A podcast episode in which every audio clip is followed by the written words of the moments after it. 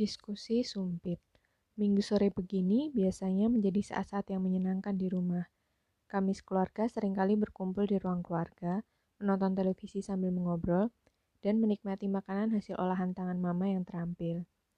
Kali ini mama membuat singkong Thailand. Itu singkong yang direbus bersama daun pandan dan gula hingga empuk dan berwarna, berwarna transparan, lalu disiram dengan saus areh. Saus areh terbuat dari santan kental yang dicampur dengan tepung maizena. Hmm, kemudian direbus bersama daun pandan. Hmm, yummy. Aduh, Sha, orang-orang pengennya berlibur di kapal pesiar, kamu malah pengen berlibur di perahu kelotok. Mama berkomentar dengan nada yang tidak enak didengar. Sayangnya, gara-gara obrolan tentang rencanaku berlibur di atas perahu kelotok, Singkong Thailand yang sedang kusantap mendadak berkurang kelegitannya.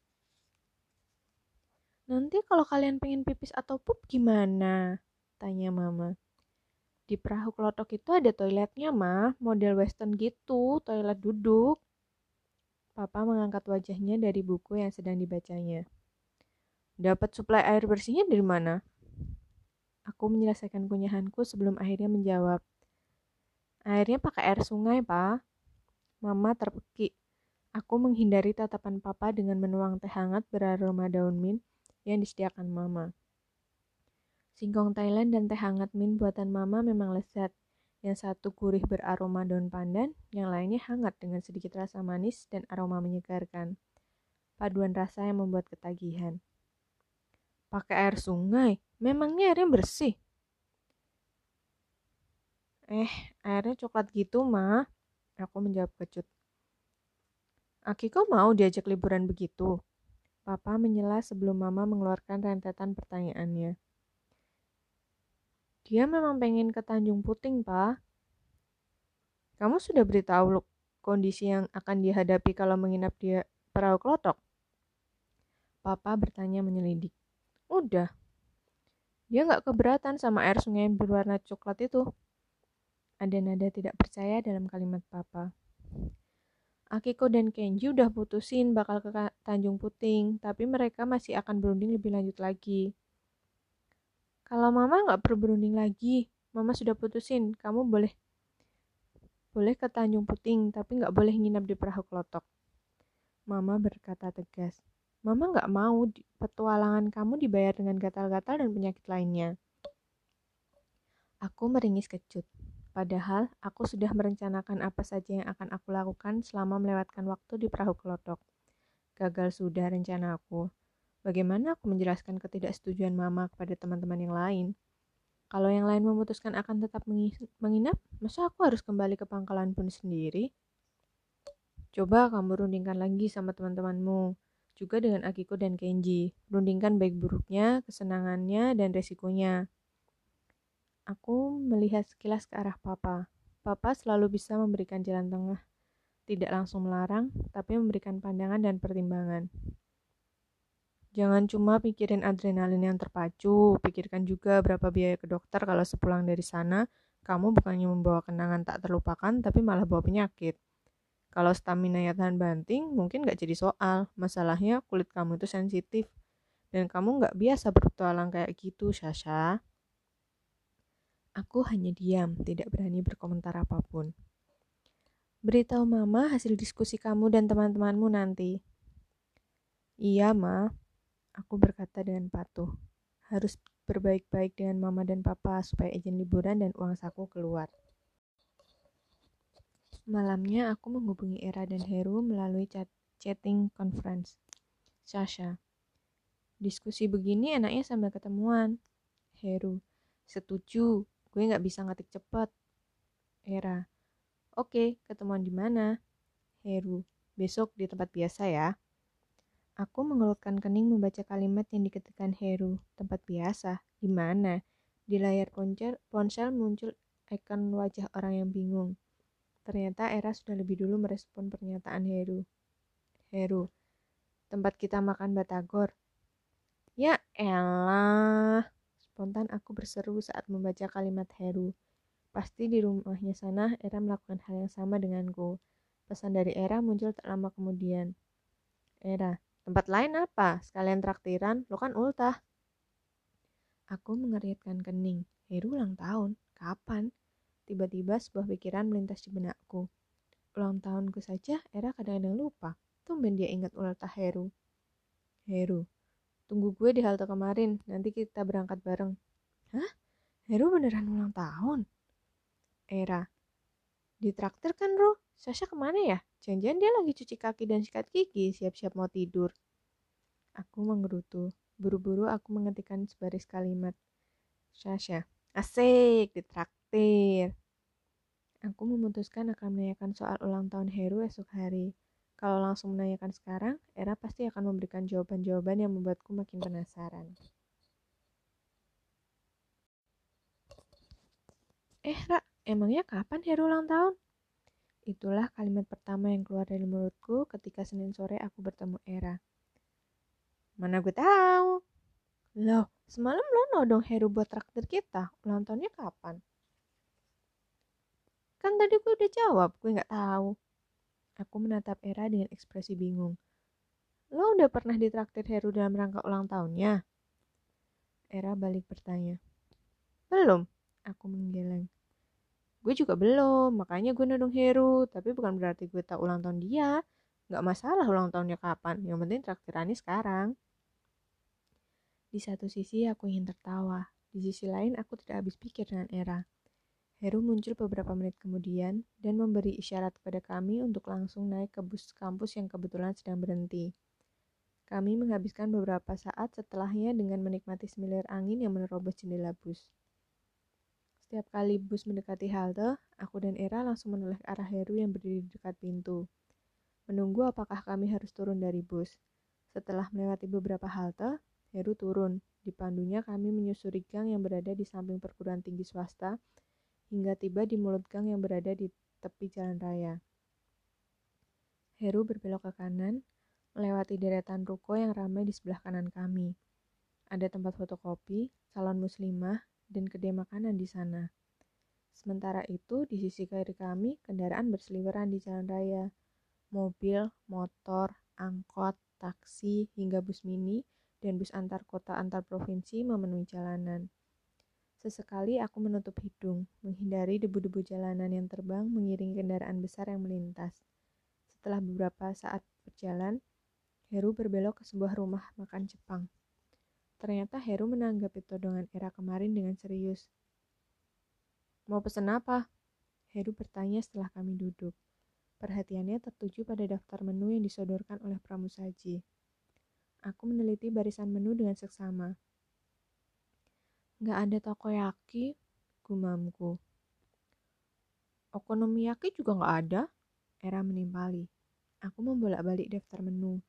Beberapa macam sushi, ramen, Udon yang tergambar di menu cukup menggugah selera. Ada juga set menu bento yang terdiri dari nasi, lauk, dan salad. Kulihat Heru sudah memutuskan menu yang akan dipesan. Aku menggaruk kepalaku yang tidak gatal, bingung memilih makanan. Heru melambaikan tangan. Seorang pramusaji datang menghampiri kami, siap mencatat pesanan. California roll dan es teh manis. Dengan cekatan, pramusaji mencatat sushi dan minuman pesanan Heru. Gue pesan apa ya? Era bergumam. Aku mencubit-cubit ujung hidungku sama bingungnya dengan Era. Ini aja deh. Era menunjuk gambar menu yang terdiri dari nasi dan potongan filet ayam yang dimasak dengan saus manis gurih. Itu sih kayak menu di resto cepat saji, komentarku. Habis yang lain kurang greget. Aku menendang kaki Era sambil melirik pramu saji yang masih berdiri dekat kami. Pesan ini deh, kataku sambil menunjuk sushi dengan irisan buah di atasnya. Minumnya ocha dingin ya? Dua ya, Era menambahkan. Pramusaji berlalu meninggalkan meja kami. Kulihat ia menyodorkan kertas yang telah ditulisi pesanan kami ke koki yang ada di dapur. Setelah itu, ia berdiri di dekat dapur, menunggu minuman pesanan kami dibuat. Aku menoleh ke arah Era yang berada di sampingku. Lo tuh ya, nanti diaduin ke manajer in charge loh. Habis gimana dong? Gue kadung cinta sama Kaguya Corner, nggak bisa pindah ke lain hati. Kaguya Corner? Itu tempat makan? Tanya Heru. Yoi, di mana? Nanti deh, kapan-kapan gue ajak makan di situ. Era berkata setelah melirikku. Sepertinya kami berdua punya pikiran yang sama, yaitu mengajak Heru ke Kaguya Corner nanti sekembalinya kami dari Tanjung Puting. Makanannya enak. Rupanya Heru masih penasaran. Enak dan murah. Aku tak dapat menahan cekikanku melihat gaya Era. Serius? Era buru-buru menyambung karena melihat ekspresi Heru yang memandangnya sangsi. Suasananya juga nyaman, terus kita bisa ikutan tweet of the week. Jadi kita harus follow akun Twitter mereka dulu. Kalau menang, kita bisa makan di Kaguya Corner dengan harga spesial. Lomba tweet of the week tuh lomba apaan? Tanya Heru. Kalau kita pesan menu takoyaki soulmate, kita akan dapat kertas yang namanya kertas pesan. Kita bisa tulis apa saja di kertas itu. Terus di bagian bawah kertas, kita harus tulis nama dan akun jejaring sosial. Kalaupun nggak mau, nggak apa-apa tapi nggak bisa diikutsertakan dalam lomba tweet of the week. Kertas itu nanti ditempel di papan kata yang ada di dalam di bagian dalam kafe. Terus diunggah ke akun Twitter. Yang paling banyak di retweet itu yang menang. Aku menjelaskan. Heru menganggukkan kepalanya tanda mengerti. Menunya apa aja? Ada takoyaki soulmate, okonomiyaki for two, Sushi Forever, Color for Kakigori, Joyful Ogura. Era menjawab sambil mengingat-ingat. Heru menatap Era. Wajahnya menyiratkan kesangsian begitu mendengar menu-menu yang diucapkan Era. Beneran? Era menegaskan. Iya kan, Sah? Ngomong dong, dari tadi cekikan mulu loh. Bener, Ru. Akhirnya aku mengucapkan sepatah kata juga. Namanya emang begitu. Pengunjungnya juga selalu rame bukan cuma anak kuliahan kayak kita. Para pengunjung yang datang bareng keluarga juga banyak. Harganya ramah di kantong lagi. Kalau nggak murah, mana mau Era lu ajak ke sana. Era cemberut. Untung Pramusaji datang membawakan pesanannya. Satu set pintu teriyaki. Menu makanan yang dipilih Era terdiri dari nasi, potongan filet ayam dimasak dengan Saus teriyaki, salad yang terdiri dari parutan wortel dan bengkuang lengkap dengan saus mayones di atasnya. Minta sendok garpu ya mbak? Kata Era. Lo gak bisa pakai sumpit? Heru bertanya setelah pramusaji berlalu. Bisa. Terus kenapa minta sendok garpu? Era menatap Heru dengan serius. Karena gue cinta Indonesia. Aku dan Heru berusaha menahan tawa. Tidak enak rasanya tertawa lepas di tempat yang cukup ramai begini. Aku memperhatikan Era yang baru saja memasukkan suapan pertamanya ke mulut. Enak? Tanyaku ingin tahu. Era berusaha menyelesaikan kunyahannya sebelum menjawab pertanyaanku. Gue kadang cinta sama Kaguya Corner, jadi menurut gue yang enak itu ya menu yang ada di sana. Pesananku dan pesanan Heru datang bersamaan. Dua macam sushi, California Roll untuk Heru dan Fruity Roll untukku. Segelas es teh manis pesanan Heru dan Ocha alias teh hijau dingin untukku. Gue boleh hicip-hicip gak, Ru? Aku menendang kaki Era. Yang pesan belum makan kok udah mau icip-icip gimana sih? Heru mendorong susinya. California Roll pesanan Heru termasuk fusion sushi. Sushi yang lembaran rumput laut atau disebut juga nori terdapat di dalam gulungan nasi. Isinya terdiri dari crab stick, timun Jepang, dan avokat. Bagian luarnya ditaburi dengan telur ikan berwarna oranye atau biasa disebut tobiko. Ambil aja, Rak, katanya. Lo dulu deh, kata Era. Habis itu baru gue. Heru mengambil sepotong sushi, lalu mencelupkannya ke dalam kecap asin yang sudah diberi bubuk cabai. Kemudian menyuapkannya ke dalam mulut. Enak, tanyaku. Heru menganggukkan kepala. Era mengambil sepotong dan melakukan ritual yang sama seperti yang dilakukan Heru. Gimana? Tanyaku. Lumayan, jawabnya. Tapi gue tetap cinta Kaguya Corner. Heru tertawa. Gue jadi penasaran sama Kaguya Corner. Era menghidupkan sebelah matanya ke arahku. Berarti rencana kami membawa Heru ke Kaguya Corner sudah tepat. Sumpit yang ada di tanganku bergerak. Baru kali ini aku memesan sushi dengan topping buah-buahan. Mudah-mudahan saja rasanya tidak aneh. Aku mengunyahnya perlahan. Namun gerakan rahangku mendadak terhenti. Kedua mataku melotot. Kenapa, Syah? Heru bertanya penuh rasa khawatir melihat ekspresi wajahku yang seperti itu. Era menatapku penuh tanda tanya, apalagi ketika ia melihatku buru-buru meraih gelas dan meminum isinya. Sushinya pedas. Pedas? Era bertanya tidak percaya. Aku menganggukkan kepala, kemudian kembali menyeruput isi di dalam gelas. Era mengambil sumpitku, lalu menyingkirkan satu persatu irisan topping yang ada di atas potongan sushi. Ini yang bikin lo kepedesan. Mataku terbelalak. Kenapa di antara irisan buah ada potongan cabai rawit? Pantas saja aku sampai melotot kepedesan. Era melambaikan tangan. Seorang pramusaji mendekat ke meja kami. Dengan wajah jutek, Era bertanya tentang cabai rawit yang ada di sushi pesananku. Memang ada potongan cabai rawitnya. Jelas si pramusaji menjawab pertanyaan Era. Rasa pedas itu untuk mengimbangi rasa asam manis buah-buahan, biar rasa sushi ini nggak enak. Aku menghabiskan beberapa saat setelahnya untuk menyingkirkan irisan cabai rawit yang ditaburkan di atas sushi pesananku. Sambil menikmati hidangan lagi, aku mulai membahas apa yang dikatakan mama dan papa soal rencana liburan kami. Heru dan Era menyimak sambil asik mengunyah. Lo punya alternatif lain gak, Ru? Pada dasarnya nyokap gue ngicinin. Dia cuma khawatir sama anak satu-satunya. Mana imut begini lagi anaknya. Heru terbahak. Gue bisa ngerti kekhawatiran nyokap lo. Bukan cuma dia, gue aja khawatir sama lo. Makanan yang ada di dalam mulutku nyaris melompat keluar. Kulihat kedua mata Era membesar sambil berusaha menelan makanannya. Gak nyangka lo punya rasa khawatir juga? Punya Lara, kalau ada apa-apa sama kalian di sana, gue juga pasti ikut seret. Aku berpandangan dengan Era. Benar juga yang dikatakan Heru. Gue ada usul.